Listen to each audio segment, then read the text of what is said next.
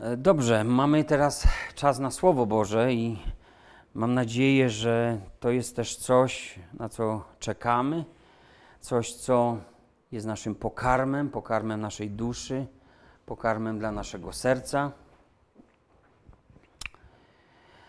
E, więc chciałbym, abyśmy na wstępie przeczytali dzisiaj dwa teksty Bożego Słowa. Pierwszy z nich znajduje się w Ewangelii Mateusza, siódmy rozdział, trzynasty i czternasty werset.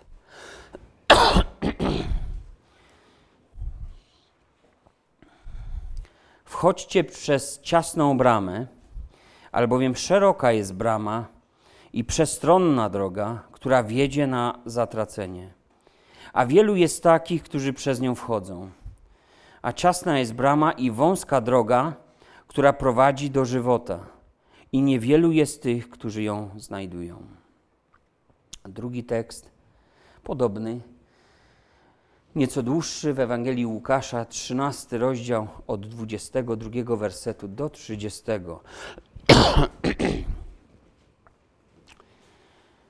I obchodził miasta i wioski, nauczając i zdążał w kierunku Jerozolimy. I że ktoś do niego, Panie, czy niewielu będzie zbawionych? On zaś rzekł do nich, starajcie się wejść przez wąską bramę, gdyż wielu, powiadam wam, będzie chciało wejść, ale nie będą mogli. Gdy wstanie gospodarz i zamknie bramę, a wy staniecie na dworze i pukać będziecie w bramę, mówiąc: Panie, otwórz nam, a on odpowie: Nie wiem skąd jesteście. Wówczas zaczniecie mówić: Jadaliśmy i pijaliśmy przed Tobą i na ulicach naszych nauczałeś. A on powie Wam: Nie wiem skąd jesteście. Odstąpcie ode mnie wszyscy, którzy czynicie nieprawość. Tam będzie płacz i zgrzytanie zębów, gdy ujrzycie Abrahama, Izaaka i Jakuba i wszystkich proroków w Królestwie Bożym. Siebie zaś precz wyrzuconych. I przyjdą ze wschodu, i z zachodu, i z południa, i zasiądą w Królestwie Bożym. I oto ostatni będą pierwszymi, a pierwsi ostatnimi. Wchodźcie przez ciasną bramę. Ewangelista Łukasz, wspominając słowa Pana, napisał: Starajcie się wejść przez wąską bramę. Gdybyśmy zechcieli spojrzeć na tekst grecki, a Nowy Testament był pierwotnie spisany w takim języku, to w tekście greckim pada słowo agonizete, starajcie się. Od tego słowa, jak dobrze wiemy, pochodzi inne słowo nam lepiej znane agonia. Pan Jezus zatem wyraźnie powiedział, wskazał, że wejście przez tą bramę będzie wiązało się z ciężką, wręcz bliską agonii walką. Nie wiem, czy tak wyglądało kiedykolwiek wasze nawrócenie. Czy rzeczywiście musimy walczyć, zmagać się, wytężyć wszystkie siły do granic możliwości, aby móc przejść przez ciasną bramę? Czy nie wydaje się nam to trochę dziwne? Brama, wrota, drzwi. Różnie przekłady pisma ujmują to miejsce. Więc brama, wrota, drzwi zazwyczaj są wprowadzeniem nas do czegoś, prawda? W życiu takim doczesnym, normalnym, codziennym można wejść przez bramę zakładową, idąc do pracy, albo można wejść przez drzwi, wracając z niej do domu. Ale do czego w tym przypadku mamy wejść przez tą bramę? W Ewangelii Łukasza, gdy patrzymy na, tam na całą wypowiedź Pana Jezusa, to widzimy, że On opowiedział również pewną historię z życia wziętą, taką krótką przypowieść o gospodarzu, który powstaje i zamyka tą bramę. Gdy zamknie bramę, już nikt nie będzie mógł przez nią wejść. Gdy wstanie gospodarz i zamknie bramę, a wy staniecie na dworze i pukać będziecie w bramę, mówiąc: Panie, otwórz nam, on odpowie: Ja nie wiem skąd jesteście. W Ewangelii Łukasza, po tym przeczytanym naszym tekście o ciasnej bramie i wąskiej ścieżce, drodze, też troszkę później znajduje się tekst, który mówi w owym dniu, wielu mi powie, Panie, Panie, czyż nie prorokowaliśmy w imieniu Twoim, w imieniu Twoim nie wypędzaliśmy demonów, w imieniu Twoim nie czyniliśmy wielu cudów. A wtedy im powiem, ja nigdy Was nie znałem, nigdy Was nie znałem. Idźcie precz ode mnie, wy, którzy czynicie nie bezprawie. Na końcu tej przypowieści króciutkiej znajduje się jednak pewne wyjaśnienie. Wyjaśnienie, że chodzi tutaj o bramę do Królestwa Bożego, w którym znaleźli się już Abraham, Izaak, Jakub. A więc patriarchowie, ludzie wiary.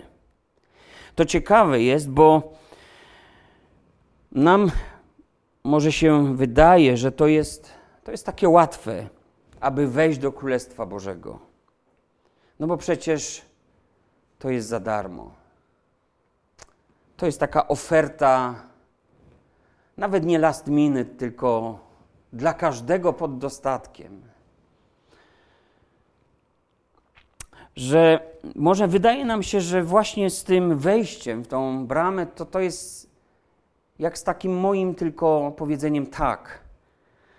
A może dla niektórych wiązało się to jedynie z podniesieniem ręki i wieloma pozytywnymi odczuciami, które odczytaliśmy właśnie jako nasze, naszą zgodę.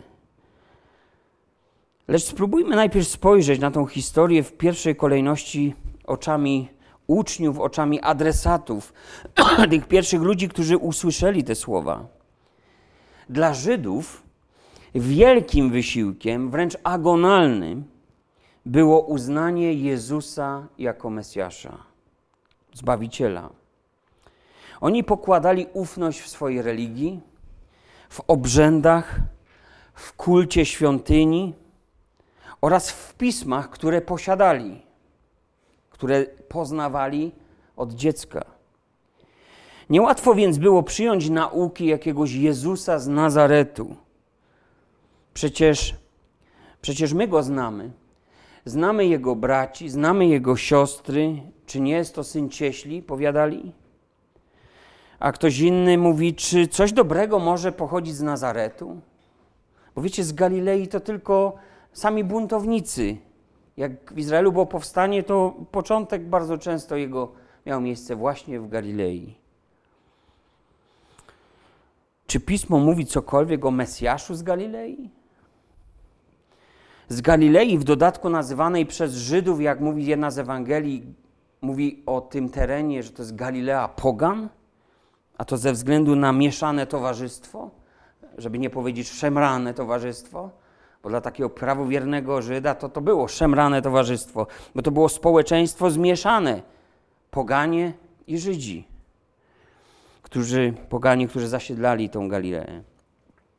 I tak, to było rzeczywiście skomplikowane, by żyjąc w tak ścisłym reżimie religijnym, móc pozwolić sobie na jakąś fantazję wręcz, bo tak mogło być to odbierane, na takie dywagacje o jakimś Jezusie z Nazaretu, że mógłby być Mesjaszem.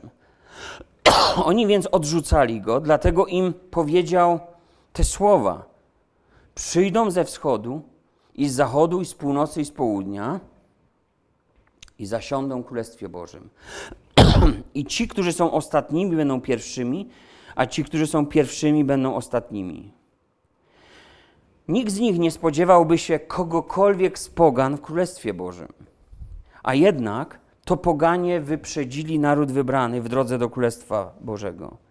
I ci ostatni, jakby nie brani pod uwagę, stali się pierwszymi, nie brani pod uwagę w oczach Żydów, a ci, którzy wydawać by się mogło, byli najbliżej odkrycia prawdy, odkrycia tego, by rozpoznać w Jezusie Chrystusie Mesjasza, oni nie weszli.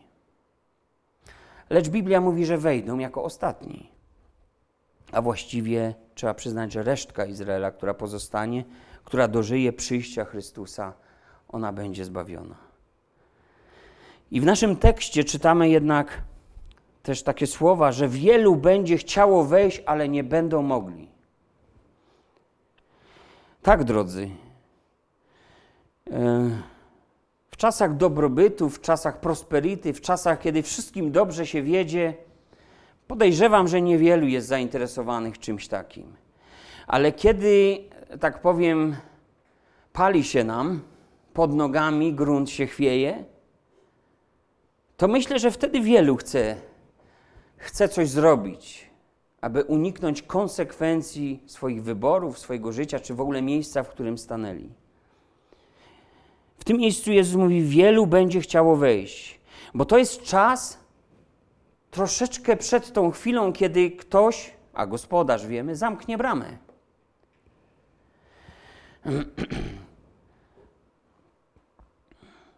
Wiecie, to trochę tak jak z tymi naszymi świątyniami konsumpcji, kiedy powiedziano w telewizji, że oto zamykamy je i ktoś przyszedł w przeddzień zamknięcia, to tyle tłumów, wiecie, to dawno w kościele nie widziałem. Ile właśnie w świątyniach konsumpcji, zwanych marketami. No właśnie mamy w sobie te odruchy i Biblia też mówi, że kiedy taki czas przyjdzie, że wkrótce już gospodarz zamknie tę bramę, wielu będzie chciało wejść, a nie będą mogli. I tak właśnie stało się z Żydami. Nikt tyle czasu na mówienie, oczekiwanie i słuchanie o Królestwie Bożym nie poświęcał jak oni. A jednak Pismo mówi, nie rozpoznali czasu nawiedzenia swego. Do swoich przyszedł, a swoich go nie przyjęli. Nie rozpoznali Mesjasza w nim.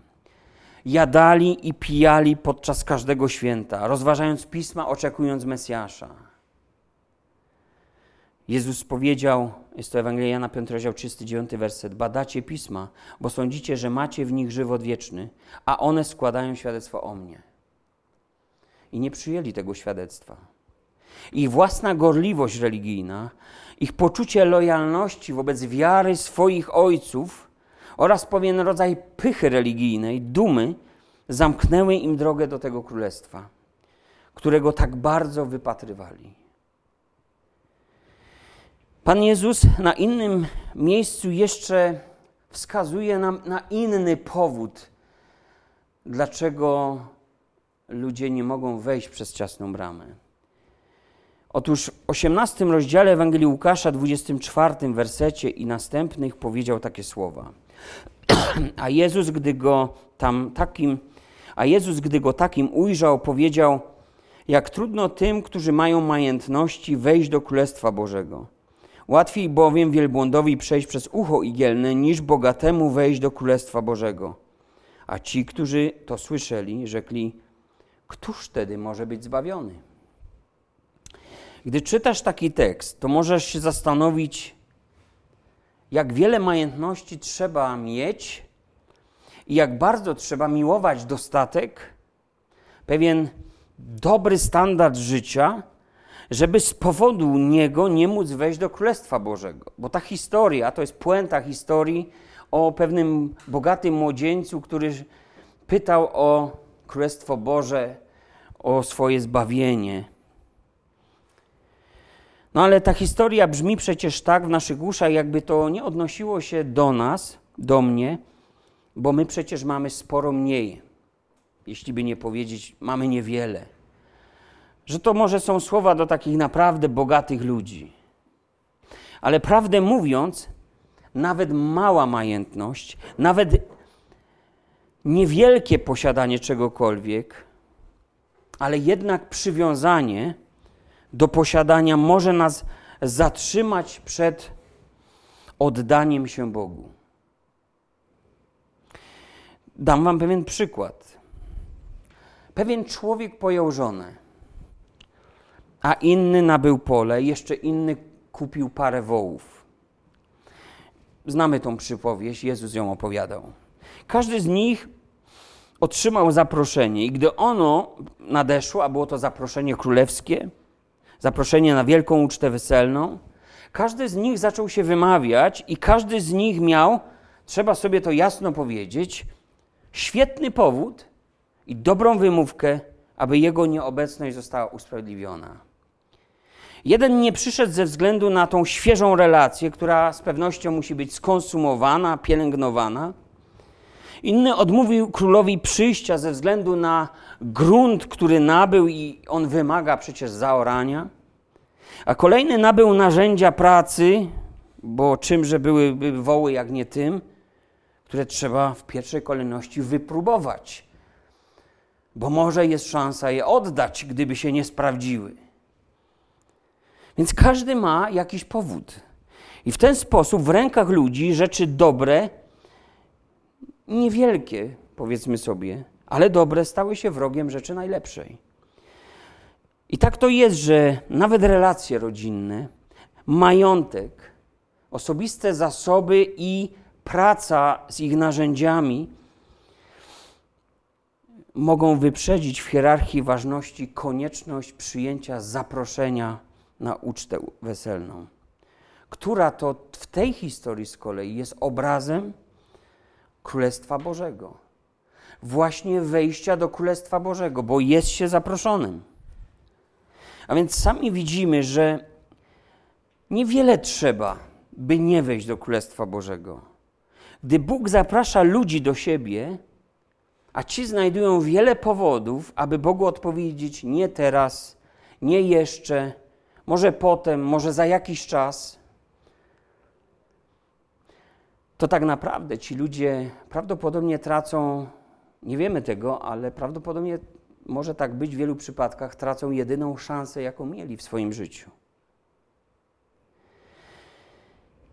Kiedyś o tym mówiłem, przy innej okazji, ale powtórzę. Ciekawy napis widnieje na zegarze miejskim na wieży ratuszu w Lipsku. Codziennie ludzie idący do miasta, śpieszący się do pracy, robiący zakupy, spacerujący po prostu po starówce tego miasta, mogą wznieść swoje głowy do góry i spojrzeć na zegar. Jak za moimi plecami widzicie.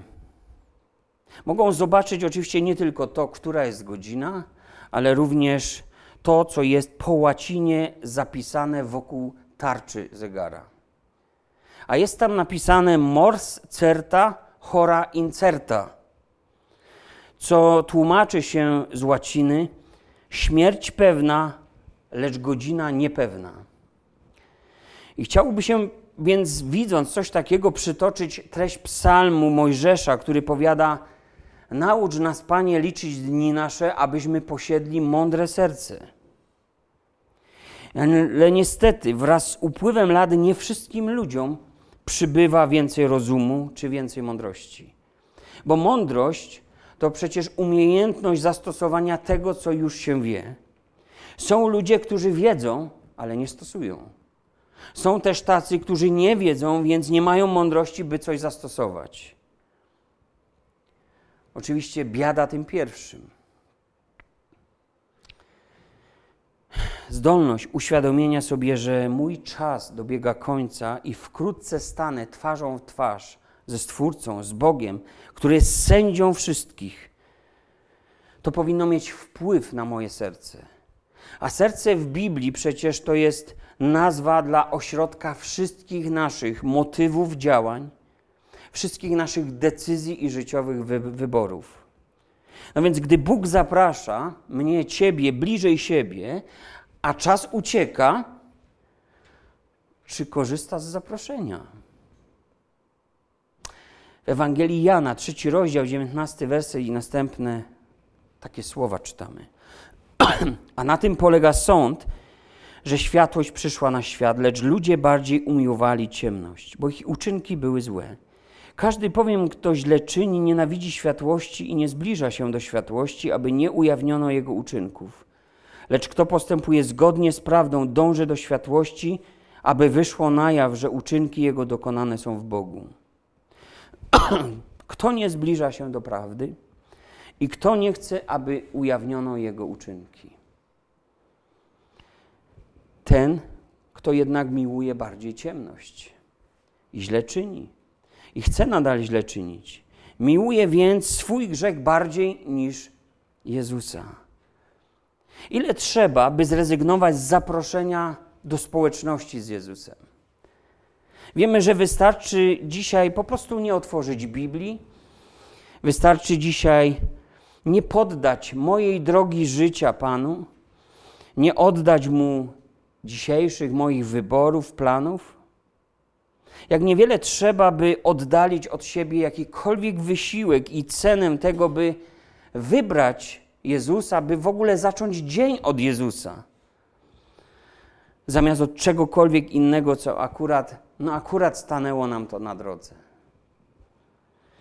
Gdyby dzisiaj chrześcijanie mający negatywny stosunek do wysiłku duchowego, albo wysiłku związanego z takim autentycznym porzuceniem swych grzechów, gdyby dzisiaj chrześcijanie stroniący od kosztów z powodu wybierania codziennie Jezusa, mieli ponownie stanąć przed wąską bramą. Gdybym ja, gdybyś ty dzisiaj stanął przed wąską bramą, a za nią już jest Królestwo Boże. Jak myślisz, czy udałoby ci się przez nią przejść? Czy udałoby się nam przejść na drugą stronę? Jezus powiedział: Wielu będzie chciało, ale nie będą mogli. A więc może jest tak, że powinienem się obudzić, otworzyć szeroko oczy i uświadomić sobie, czy jestem po właściwej stronie tej bramy. Bo może ktoś, nie wiem, mnie teraz słucha tu czy przed ekranem i Pan właśnie te słowa kieruje do takiej osoby. Wielu będzie chciało, wielu będzie o czymś przekonanych, a nie będą mogli. I tutaj w naszym życiu jest wystarczająco dużo małych, codziennych spraw i przyjemności, wygód, mnóstwo pokus oraz osobistych życiowych ambicji, także sporo lenistwa, żeby powstrzymać się przed wejściem przez ciasną bramę. Ale tutaj jednak czytam o takich, co chcą, a nie mogą. Na Bliskim Wschodzie, według pewnych podań, była taka ciasna brama, przez którą, kiedy pielgrzym chciał wejść do miasta, wraz z objuczonym towarami wielbłądem, to żeby wejść przez nią, to musiał rozładować to juczne zwierzę, musiał rozładować wszystko przed tą bramą i tylko on wraz ze swym wielbłądem mógł wejść do miasta. Wszystko inne musiało zostać przed bramą. Tą bramę nazywano igielną bramą bądź uchem igielnym. I tu może niektórych zaskoczę. To, o czym mówił Jezus, to nie jest to samo ucho igielne. To nie jest to samo, o czym mówił Jezus w Ewangeliach. Gdy, a, gdy Łukasz cytuje Pana Jezusa, mówiącego o tym, że łatwiej jest wejść wielbłądowi przez ucho igielne niż bogatemu do Królestwa Bożego, to Łukasz używa greckiego słowa oznaczającego igłę używaną w tamtych czasach przez lekarza do zszywania ran. To nie powinno nas oczywiście dziwić, ponieważ Łukasz sam był lekarzem. I ciekawe jest jednak to, że gdy Mateusz w swej Ewangelii powiada o uchu igielnym, to używa innego greckiego słowa, które oznacza igłę, jaką zszywano worki, namioty, żagle czy wielkie tkaniny. A więc obydwaj chcą nam powiedzieć coś ważnego, używając może nawet języka przesady czy jakiegoś absurdu. Otóż brama do Królestwa Bożego, drodzy, jest tak ciasna i tak wąska, że jeśli chcesz wejść przez nią, to musisz chcieć wszystko pozostawić po jednej stronie, a, a sam przejść, żeby móc w ogóle przejść na drugą stronę. Dlatego, kiedy zapytali, no to któż może być zbawiony? Jezus później odpowiedział: człowieka jest to niemożliwe, ale u Boga wszystko jest możliwe. Apostoł Paweł tą chwilę przejścia z jednej rzeczywistości do drugiej nazywa nowym życiem. 2 Koryntian, 5 rozdział 17 werset. Tak więc jeśli ktoś jest w Chrystusie, nowym jest stworzeniem, stare przeminęło, oto wszystko stało się nowe. Jeśli chcę, jeśli chcesz mieć tą pewność, czy Twoje życie biegnie po właściwej stronie bramy, po właściwej ścieżce, to po prostu skonfrontuj swoje życie z tym tekstem. Bo czymże jest tutaj według apostoła Pawła życie w Chrystusie? Jeśli nie czymś nowym. To życie, o którym mogę powiedzieć, że stare odeszło. Co odeszło? Mój grzech odszedł, bo Jezus za niego umarł. Bo jak to bydle objuczone pod tą bramą, mogłem zrzucić ten cały swój bagaż i mogłem po prostu lekki, bez tego wejść do miasta, mówiąc obrazowo, do Królestwa Bożego. I już nie trwam w grzechu. Nie krzyżuję już swoimi grzechami ponownie Syna Bożego. To, co stare odeszło, bo pozostało za mną, teraz wszystko w moim życiu jest nowe bo to jest teraz życie moje w Chrystusie, życie w wierze w Syna Bożego, który oddał za mnie życie, aby mnie wykupić z niewoli grzesznego życia. Bo bramą, o której dziś mówimy, jest właśnie Chrystus. Tą wąską bramą jest Chrystus. On jest tym wejściem do Królestwa Bożego. A więc to nie jest tak, że najpierw jest jakaś droga, jakaś ścieżka, a na końcu tej ścieżki jest jakaś brama. A ta brama jest przejściem przez jakby śmierć do jakby na inną stronę, do, do jakby innego świata, innej rzeczywistości. Niektórzy sobie to tak wyobrażają. To jest dokładnie odwrotnie. To jest dokładnie odwrotnie. Bramą jest Chrystus. On sam powiedział, przeczytam to z przekładu Biblii Tysiąclecia, pełny tekst to Ewangelia Jana 10 rozdział 7 do 9 wersetu. Jezus powiedział: Zaprawdę, zaprawdę, powiadam wam, ja jestem bramą dla owiec. I mówi dalej: Jeśli ktoś wejdzie przeze mnie, będzie zbawiony. Czy rozumiemy, czy rozumiecie już, jak to się stało, że Pan Jezus zbawił nas przez swoją łaskę na podstawie naszej wiary? I pytam może tych, którzy wiedzą, że są powołani, wiedzą, że nowe życie prowadzą już. Zbawił nas nie dlatego, że na to zasługiwaliśmy, ale zbawił, bo przyjęliśmy to zbawienie na Jego warunkach. Oddaliśmy Mu siebie samych. Nie zasługiwaliśmy.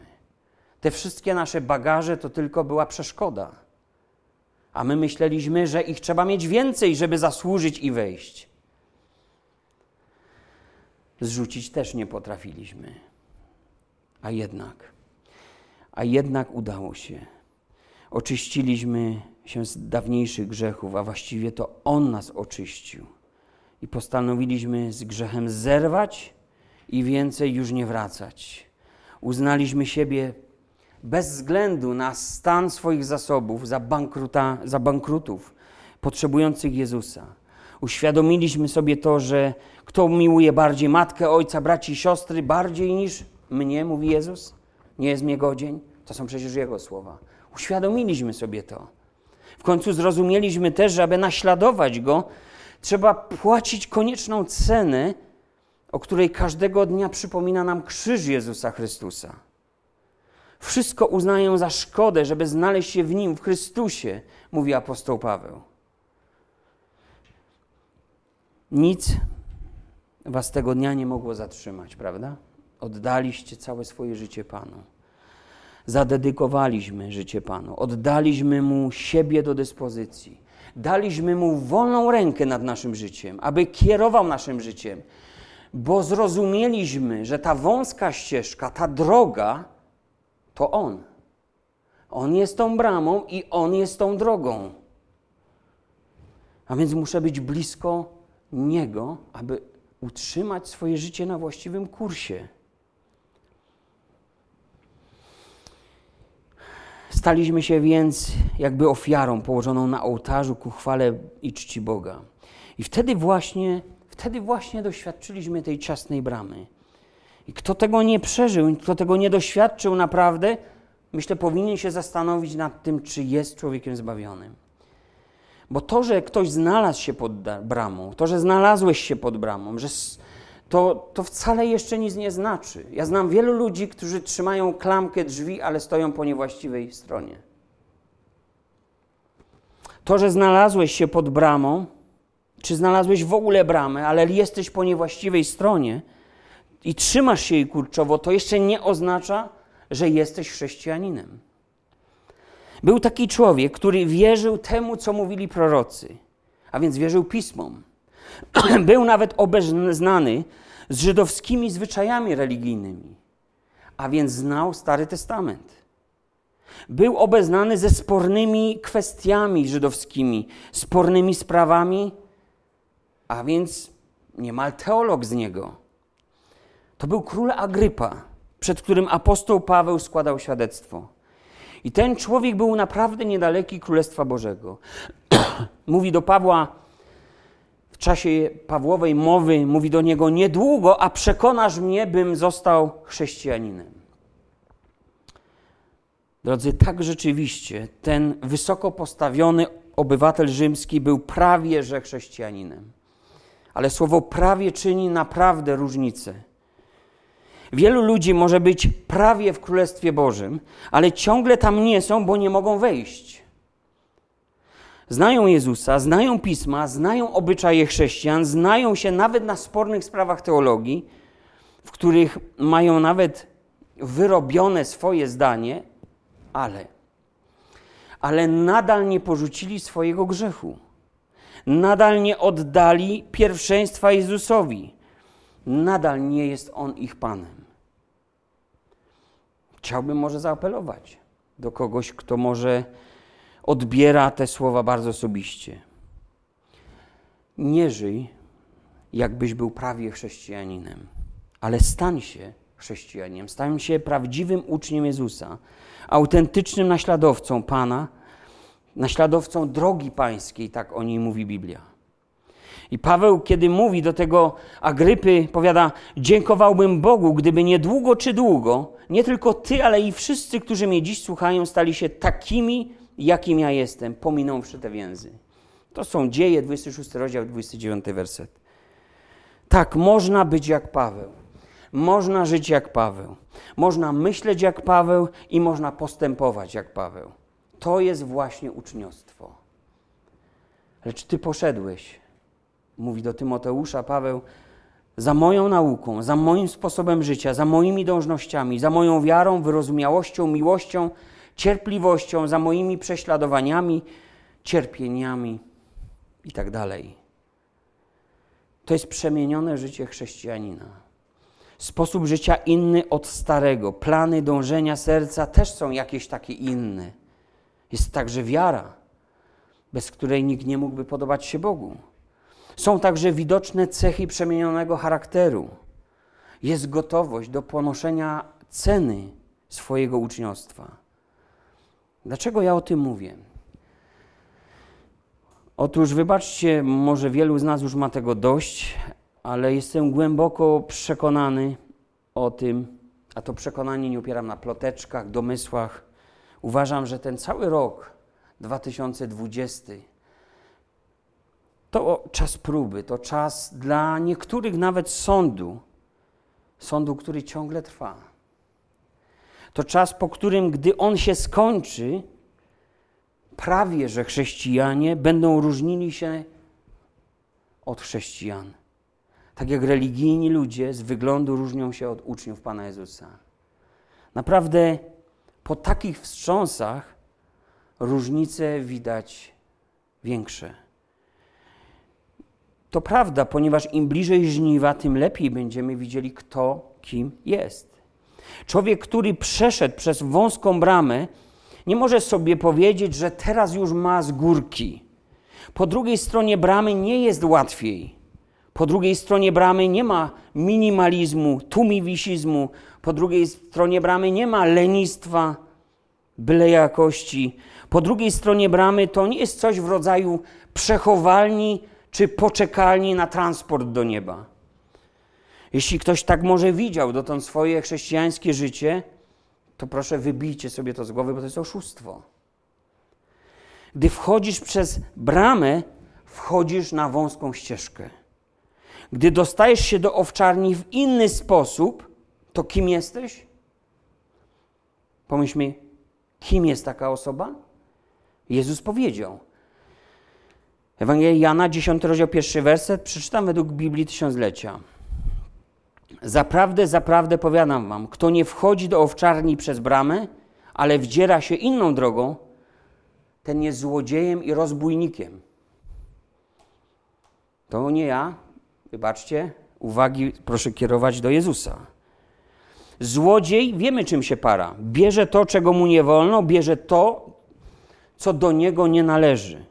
Złodziej to klasyczny przykład osoby, która nie ma ustawionej właściwie granicy pomiędzy tym, co dobre, a tym, co złe, tym, co moralne, a tym, co niemoralne. Dla złodzieja cel uświęca środki. Dla złodzieja mieć znaczy więcej niż sposób, w jaki on to posiądzie. A rozbójnik?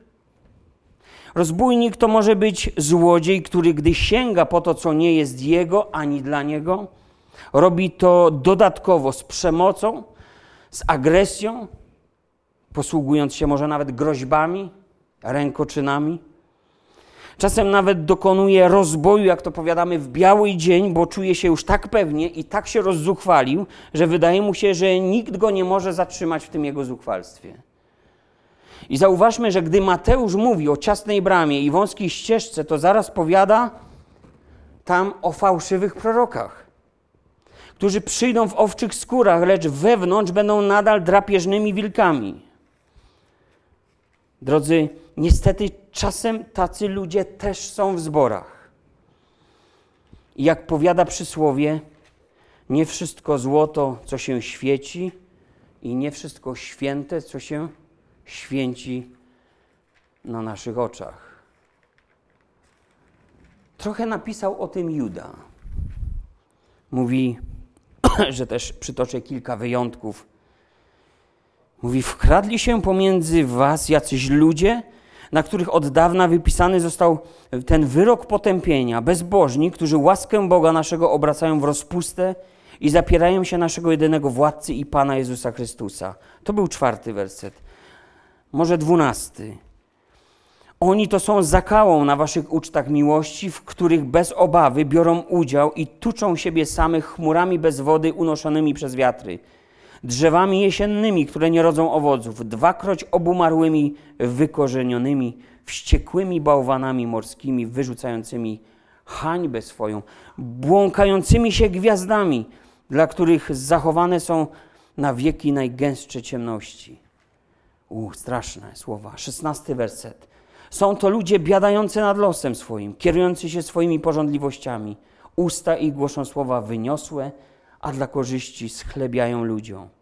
I dziewiętnasty to są ci, którzy wywołują rozłamy, zmysłowi, nie mający ducha. Przyznacie, że to straszny obrazek. Z powodu takich ludzi czasem powstają rozdłamy i rozdwojenia.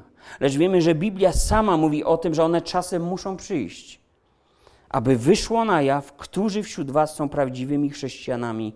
O tym mówi Paweł w pierwszym liście do Koryntian, 11 rozdział, 19 werset. I możemy tylko się modlić. Paweł mówi: módlcie się, abyście byli wolni od ludzi przewrotnych. Taka ciekawa modlitwa. Możemy modlić się i uważnie przypatrywać się owocom. Słowa muszą iść w parze z czynami, a czyny w parze z prawdą. Kto tak nie chce żyć, to tylko kwestia czasu, gdy pewne rzeczy ujrzą światło dzienne. Może się, możemy nawet, drodzy, o to się modlić, aby jak najszybciej pewne rzeczy wychodziły na światło. Aby ludzie nie ukrywali się pod osłoną tak zwanej nocy. Za bramą więc jest ścieżka. Jeśli wchodzisz przez ciasną bramę, to wchodzisz na wąską ścieżkę. Apostoł Paweł mówi o tym innymi słowami. Jak więc przyjęliście Chrystusa Jezusa, Pana, tak w Nim chodźcie, wkorzenieni weń i zbudowani na Nim i utwierdzeni wierze, jak was nauczono, składając nieustannie dziękczynienie. To jest Kolosan, drugi rozdział, szósty, siódmy werset. Jak więc przyjęliście Chrystusa, tak w Nim chodźcie. Chrystus jest bramą? Chrystus powiedział: Ja jestem droga, prawda i życie. On jest tą drogą. Za bramą jest ścieżka. Ale dalej, kiedy czytam u apostoła Pawła w tym liście do Kolosa, on powiada: Baczcie, baczcie, aby was kto nie zwiódł, nie sprowadził na manowce. To nie jest wcale takie, takie trudne, aby zboczyć z drogi. To nie jest proste, aby wąską ścieżką podążać, bowiem wiele niebezpieczeństw czyha na życie człowieka wierzącego, wiele pułapek, wiele sideł zastawia na nas diabeł, aby nas sprowadzić z powrotem na tą starą drogę. Toczy się ustawiczna walka o dusze ludzkie. Nie mamy z górki, gdy się nawracamy. Prawdziwe trudności dopiero się zaczynają za bramą. Prawdziwe trudności dopiero mają tutaj swój początek. Bo to jest droga wiary, to jest droga zaufania, to nie jest droga wiary w decyzje, które podjąłem dawno temu. Jezus powiedział o tej ścieżce, że niewielu jest takich, którzy tą wąską ścieżką, którzy ją znajdują. Łatwo jest zgubić tą drogę. Łatwo jest stracić orientację. Gdy nie masz punktów odniesienia, tracisz orientację. Albo masz takie punkty odniesienia, które zwodzą Twoją duszę. Tak stało się w życiu Efezjan, do których apostoł Paweł kieruje takie surowe słowa, choć jest to piękny list i naprawdę w dobrym miejscu są ci ludzie i dobrze zaczyna się list do Efezjan w pewnym momencie apostoł Paweł mówi do nich takie słowa. To więc mówię i zaklinam na Pana, abyście już więcej nie postępowali jak poganie postępują w próżności umysłu swego, mający przyćmiony umysł i dalece od życia Bożego przez nieświadomość, która jest w nich, przez zatwardziałość serca ich. Mając umysł przytępiony, oddali się rozpuście, dopuszczając się wszelkiej nieczystości z chciwością ale wy nie tak nauczyliście się Chrystusa. Jeśliście tylko słyszeli o Nim i w Nim pouczeni zostali, gdyż prawda jest w Jezusie. I dalej mówi, zewleczcie z siebie starego człowieka wraz z jego poprzednim postępowaniem, którego gubią zwodnicze żądze i odnówcie się w duchu umysłu waszego, a obleczcie się w nowego człowieka, który jest stworzony według Boga, sprawiedliwości i świętości prawdy. Drodzy, poganie tak mają próżny umysł. Mają umysł przyćmiony, przytępiony. Więc oddają się rozpuście. Oddają się życiu, które jest dalekie od Bożego życia. Ale Efezjanie, wy nie tak nauczyliście się Chrystusa. Paweł dwa albo trzy lata, codziennie od rana do wieczora. Czujecie takie nabożeństwa? On nauczał ich. Wy nie tak nauczyliście się. A jednak, kiedy żyjesz w takim otoczeniu, w takim towarzystwie, gdzie normatywne wydaje się takie życie, jakie mieli poganie, to tak łatwo jest żyć tak, jak żyją inni ludzie. Czy wtedy możesz powiedzieć, że znajdujesz się na wąskiej ścieżce? Czy wtedy możesz powiedzieć o swoim życiu: Słuchajcie, to jest Jezus, to jest właśnie to moje życie, to Jezus to ta moja droga, to ten mój sposób życia. Nie mamy z górki, gdy się nawracamy. Łatwo jest zgubić drogę. Człowiek, człowieka można zwieść miłymi dla ucha pochlebstwami. Można zatkać jego usta i sprawić, że będzie ślepy na sprawiedliwość dzięki wielu pięknym podarunkom. Można zostać zwiedzionym łapówkami można zostać zwiedzionym również miodem spływającym z ust obcej kobiety, albo można zostać po prostu zwiedzionym, pokładanym zaufaniem do własnego serca. Zaufaj swemu sercu, słuchaj swego serca, poddaj się swemu sercu. Serce nie sługa. Wiecie, tych morałów jest bardzo wiele w świecie. I to nie głoszą tylko, to nie są hasełka z czasopism dla pani. Może trzeba by czasem mężczyznom też o tym coś powiedzieć. Prorok Jeremiasz, tak z grubej rury trochę, ale mówi wprost. Podstępne jest serce, bardziej niż wszystko inne i zepsute, któż może je poznać? Ja Pan zgłębiam serce, wystawiam na próbę nerki, aby oddać każdemu według jego postępowania, według owoców jego uczynków. Jeremiasz 17 rozdział 9-10 werset. Serce jest tak niezgłębione i tak nie do poznania po tym, gdy ludzie zgrzeszyli, że próba ustanowienia go jako punkt odniesienia w naszym życiu, jako sędzia lub jako coś w rodzaju kompasu może skończyć się dla nas życiową tragedią. Król Dawid, o którym mówiłem tydzień temu, a ostatnio o nim trochę czytam, król Dawid uczynił zamiast swojego rozumu, którym poznawał pismo, on uczynił serce swoim przewodnikiem. I zgrzeszył. Wszedł do cudzego łoża, a potem tylko zacierał ślady po swoim grzechu, grzesząc jeszcze bardziej kłamstwem, a w końcu nawet morderstwem. W pewnym czasie, po pewnym czasie, a mogło minąć nawet ze dwa lata, gdy już wszystko, jak to powiadamy, przyschło, gdy już nikt nawet nie wiedział, że coś jest zamiecione pod dywanem, gdy wydawało się, że nie przyjdą żadne konsekwencje na tego człowieka, no bo to przecież król. Wtedy przyszedł Boży Sąd. Dawid nie odczułby smagania Bożego i nie nawróciłby się, gdyby Bóg wychłostał jego plecy.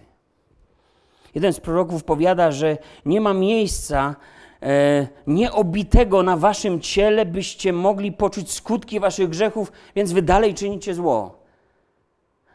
Pewne dyscypliny na nas robią krótkotrwałe wrażenie bądź żadnego. Bóg jednak miłował tego człowieka tak bardzo, miłował go na tyle, że chciał go do siebie przyciągnąć, przywrócić go do łaski swej. Więc dotknął go tam, gdzie go najbardziej zabolało. Z powodu swego grzechu stracił dziecko. To tak często jest, że gdy człowiek wierzący nie jest Bogu posłuszny i zasługuje na to Boże karcenie, gdy Bóg go ostrzega, ten nadal nie zawraca. To bywa tak, że Bóg dotyka się tego, co kocha ten człowiek, a niekoniecznie jego samego. Zobaczcie, jak ciężkie chwile przeżyli pewni marynarze na statku, w którym znalazł się Jonasz. A czego oni winni byli? Bywa tak, że cenę nieposłuszeństwa człowieka, który zbacza z dobrej drogi, płacą inni ludzie, którzy, którzy stają się jakimś oparciem do kontynuowania złej drogi.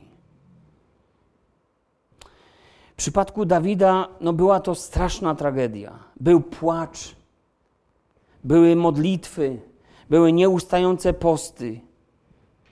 Nic nie pomagało. Dziecko odeszło. I Dawid zrozumiał swój grzech. I gdy pokutował, powiada takie słowa, jest to Psalm 51, pokutny Dawida. Mówi: Zmiłuj się nade mną, Boże, według łaski swojej, według wielkiej litości swojej, zgładź występki moje. Obmyj mnie zupełnie z winy mojej i oczyś mnie z grzechu mego. Ja bowiem znam występki swoje i grzech mój zawsze jest przede mną. Przeciwko Tobie samemu zgrzeszyłem i uczyniłem to, co złe w oczach Twoich abyś okazał się sprawiedliwy w wyroku swoim, czysty w sądzie swoim. Oto urodziłem się w przewinieniu i w grzechu poczęła mnie matka moja. Oto miłujesz prawdę chowaną na dnie duszy i objawiasz mi mądrość ukrytą.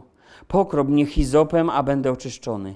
Obmyj mnie, a ponad śnieg bielszy się stanę. Daj bym usłyszał radość i wesele. Niech się rozradują kości, które skruszyłeś. Zakryj oblicze swoje przed grzechami moimi i zgładź wszystkie winy moje. Serce czyste stwórz we mnie, o Boże, a ducha prawego odnów we mnie. Nie odrzucaj mnie od oblicza swego i nie odbieraj mi swego ducha świętego. Przywróć mi radość z wybawienia Twego i wesprzyj mnie duchem ochoczym. Kompletnie złamany człowiek, dotknięty do żywego, skruszony, obnażony i tak bardzo wobec wszystkich swoich poddanych upokorzony. Wszyscy wiedzą, kim jestem. Czy Bóg mi wybaczy? I tak upokorzony prosi Boga, aby dał mu nowe serce, bo on nie ma już żadnej nadziei dla swojego skorumpowanego grzechem serca. I Pan słyszy tą modlitwę. I Pan odpuszcza jego winę. I Dawid już na zawsze pamięta tą lekcję. Do końca zdaje sobie sprawę ze stanu swojego serca. Psalmie 139, który czytaliśmy dzisiaj na wstępie, mówi: Badaj mnie, Boże, i poznaj serce moje, doświadcz mnie i poznaj myśli moje, i zobacz, czy nie kroczę drogą zagłady, a prowadź mnie drogą odwieczną. I Dawid znowu kroczy wąską ścieżką, tą dobrą Bożą drogą, bo on składa swoje zaufanie tylko swemu Bogu. On już nawet nie ufa swojemu sercu. Gdy jesteś na wąskiej ścieżce, nie daj się oszukać swemu sercu. Nie daj się oszukać grzechowi. Nie daj się oszukiwać jakimś zwodniczym pochlebstwom. Nie daj się oszukać podarkom, łapówkom. Nie daj się oszukać zwodzicielom, mącicielom. Nie daj się wciągnąć w coś złego ludziom, którzy obiecują ci wolność, a są sami niewolnikami swojej zguby. Na wąskiej ścieżce uciekajmy od zgubnych relacji, uciekaj od wszeteczeństwa, mówi Biblia, uciekaj od złego towarzystwa, od takich nawet powiem laicikowych chrześcijan, takich nawet nie niedzielnych. W 2020 to takich od święta. Przy nich nie wzrośniesz, przy nich zbłądzisz, uschniesz jak jałowiec na stepie, jak mówi Jeremiasz, bo oni żyją tylko na takim stepie. Uciekaj, jeśli ci życie miłe. Twoje albo Twoich bliskich. Diabeł będzie działał coraz mocniej i coraz bardziej. Mówiłem o tym w zeszłą niedzielę na drugim nabożeństwie. Kazanie dostępne jest, ukazało się w środę. Zachęcam, kto nie słyszał. Diabeł będzie działał coraz mocniej, coraz bardziej, coraz częściej, bo on wie, że jemu czas się kończy. Będzie więc zwodził, kusił, będzie rozrabiał, niszczył, aby o ile można również zwieść i wybranych. Nie obawiał się kusić Jezusa, nie obawiaj się. On również będzie starał się Ciebie sprowadzić na manowce. Na wąskiej ścieżce zadbaj o dobre punkty odniesienia dla swojego życia. A są nimi Słowo Boże, bo tym Słowem jest Chrystus, a Słowo stało się ciałem i zamieszkało wśród nas. Słowo Boże, doceniajmy, że je mamy. Niech nie będzie jedynie ozdomą w naszym domu, na stoliczku, na półeczce. Być może przyjdzie taki czas, że stanie się nielegalną lekturą. Taki dokument wpłynął do jednego z kongresów w pewnym kraju. Wśród książek zakazanych znalazła się również Biblia. I mądrzy ludzie, ludzie tego świata, będą nad tym głosowali. Na to wygląda. W Chinach zakazana Biblia. Czytaj ją, napełniaj się nią, rozważaj swoje życie przy Słowie Bożym, jakbyś przeglądał się w lustrze. Nie traktuj je słowa, jakby było pewnym rodzajem mądrzejszej literatury, która czyni cię bardziej szlachetniejszym od innych.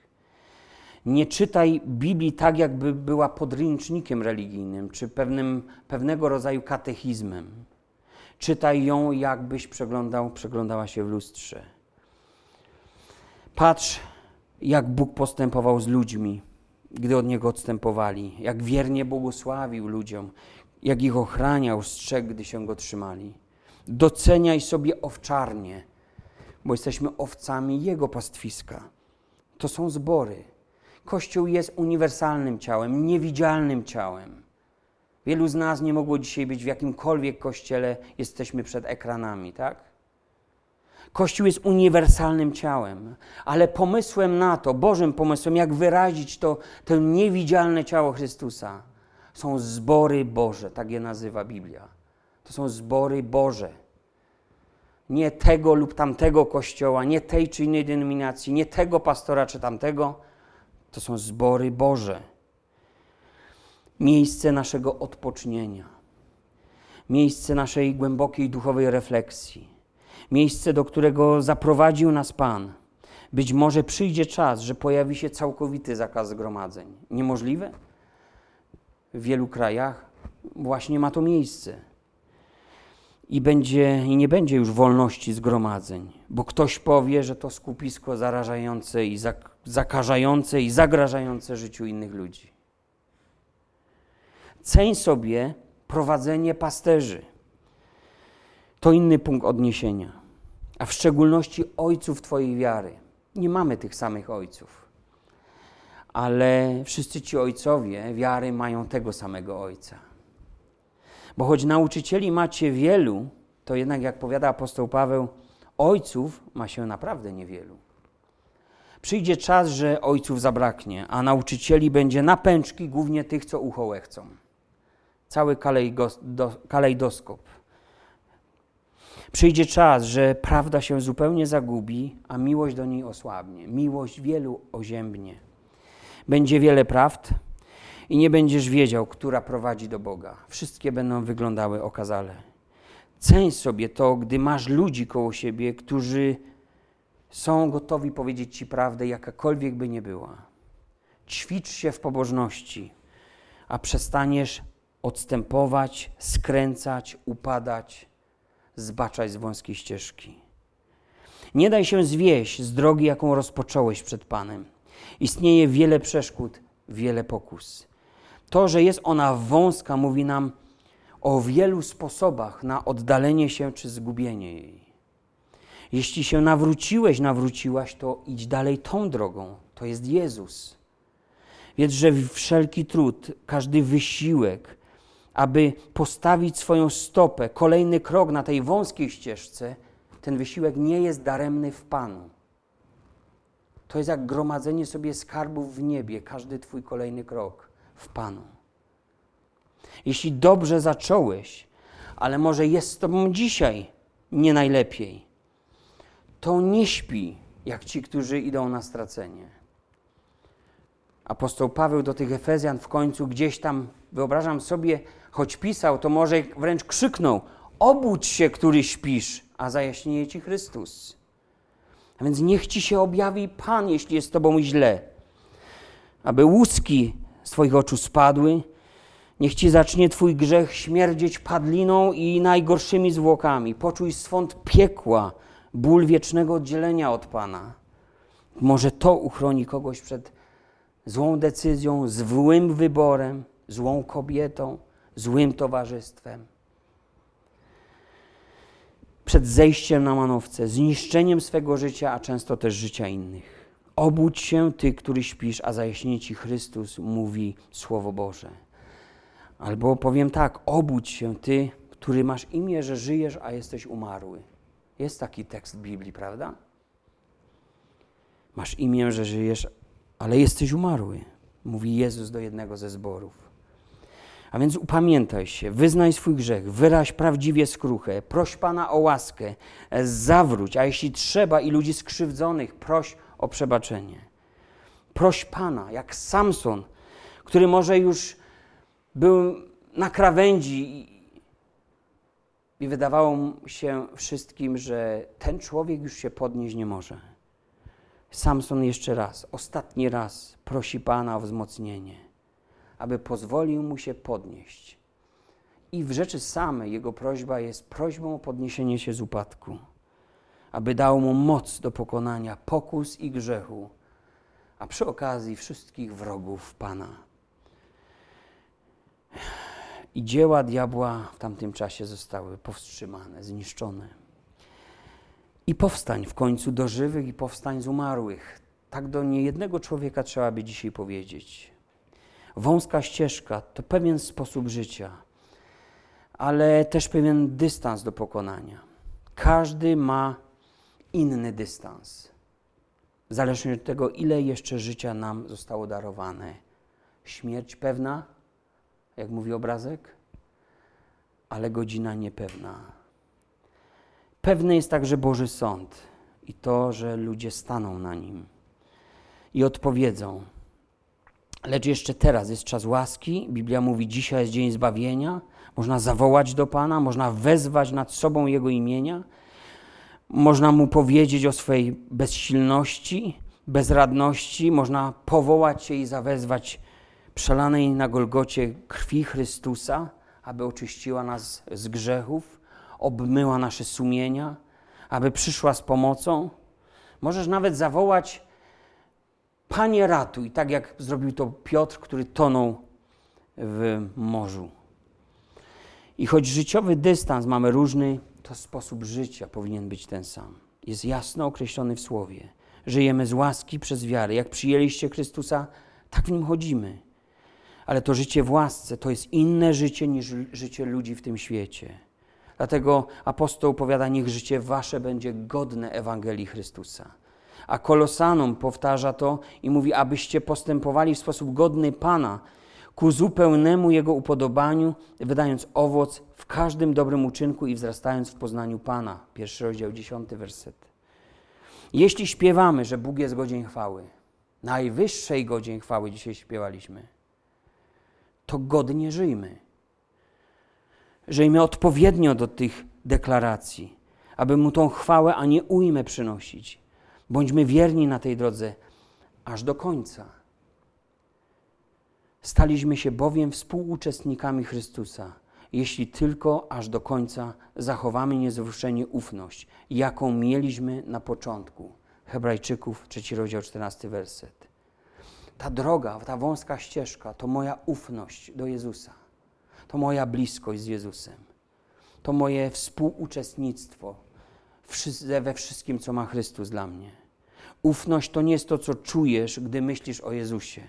Większość ludzi czuje same dobre rzeczy, ale ufność to jest to, jak żyje dla Jezusa. Jak to życie naprawdę wygląda. Wiemy, jaką ufność mieliśmy na początku. Jeśli tylko zachowamy ufność, jaką mieliśmy na początku, wiemy, jak było na początku, no to tak ma być na końcu.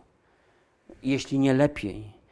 Jeśli początek w moim życiu był dobry, i przeszedłem przez tą bramę, ciasną bramę. I co niemożliwe dla ludzi, stało się możliwe dla Boga. I to był cud, cud zbawienia.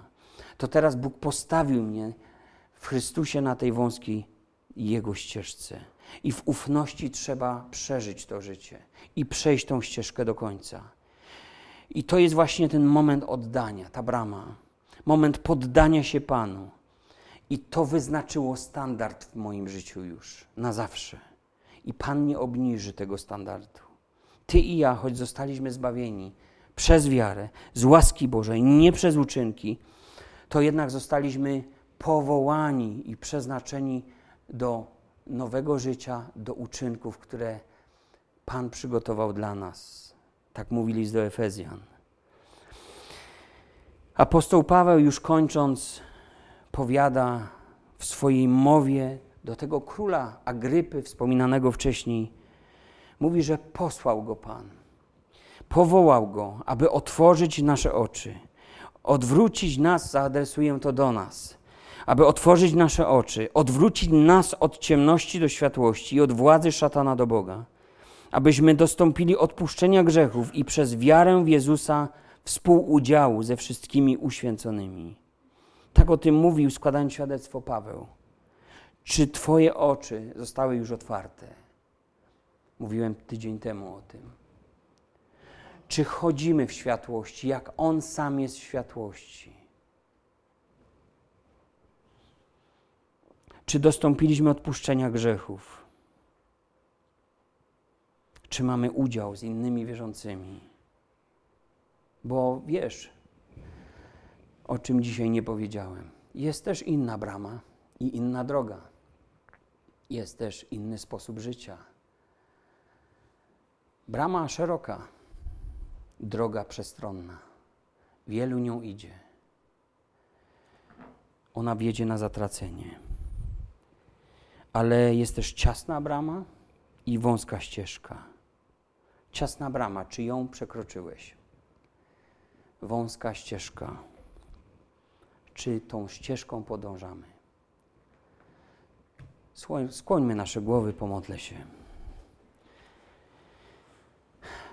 Panie, ja ufam, że choć jestem niedoskonałym tworzywem i takim glinianym, kruchym naczyniem, wierzę, że włożyłeś w moje serce pewne słowa, które chcesz przekazać dla tych, którzy są tutaj z nami, ale też dla każdego, kto nas słucha lub będzie słuchał. Panie, ja Cię proszę o moc Twoją, o moc Twojego świętego ducha, aby poruszał nasze serca. Aby jeśli ktoś potrzebuje, naprawdę się obudził i zobaczył, jak, jak bliski jest czas zamknięcia tej bramy. Panie, modlę się o tych wszystkich, którzy się źle mają. Proszę Cię, aby, abyś przyprowadził ich, Panie. Przyprowadził z powrotem do siebie, jak tą zgubioną owcę. Modlę się, Panie, o tych, którzy są na tej wąskiej ścieżce. Panie, jak to dobrze, że zachowujesz nas, że dajesz tyle sił, tyle mocy i, i że Twoje przebaczenie jest tak obfite i tak, tak bardzo wylewa się każdego dnia w nasze życie, że, że możemy odczuwać, że łaska Twoja jest nad nami, że nie o własnych siłach idziemy i nie na własny rachunek, nie z uczynków. Panie, ja Ci dziękuję, Panie, za tą łaskę, za to błogosławieństwo niebios. Panie, a proszę Cię, abyś nas w tym słowie też zachował, pobłogosławił, Panie, i wszystkich słuchaczy, którzy będą tego słuchali, aby byli pewni, że przekroczyli próg tej właściwej bramy, tej wąskiej, tej ciasnej bramy i że weszli na tą dobrą drogę. Ty jesteś tą drogą. Pobłogosław każdego, Panie. I prowadź nas ku wieczności, ku żywotowi wiecznemu, jak Twoje słowo to obiecuje. Amen.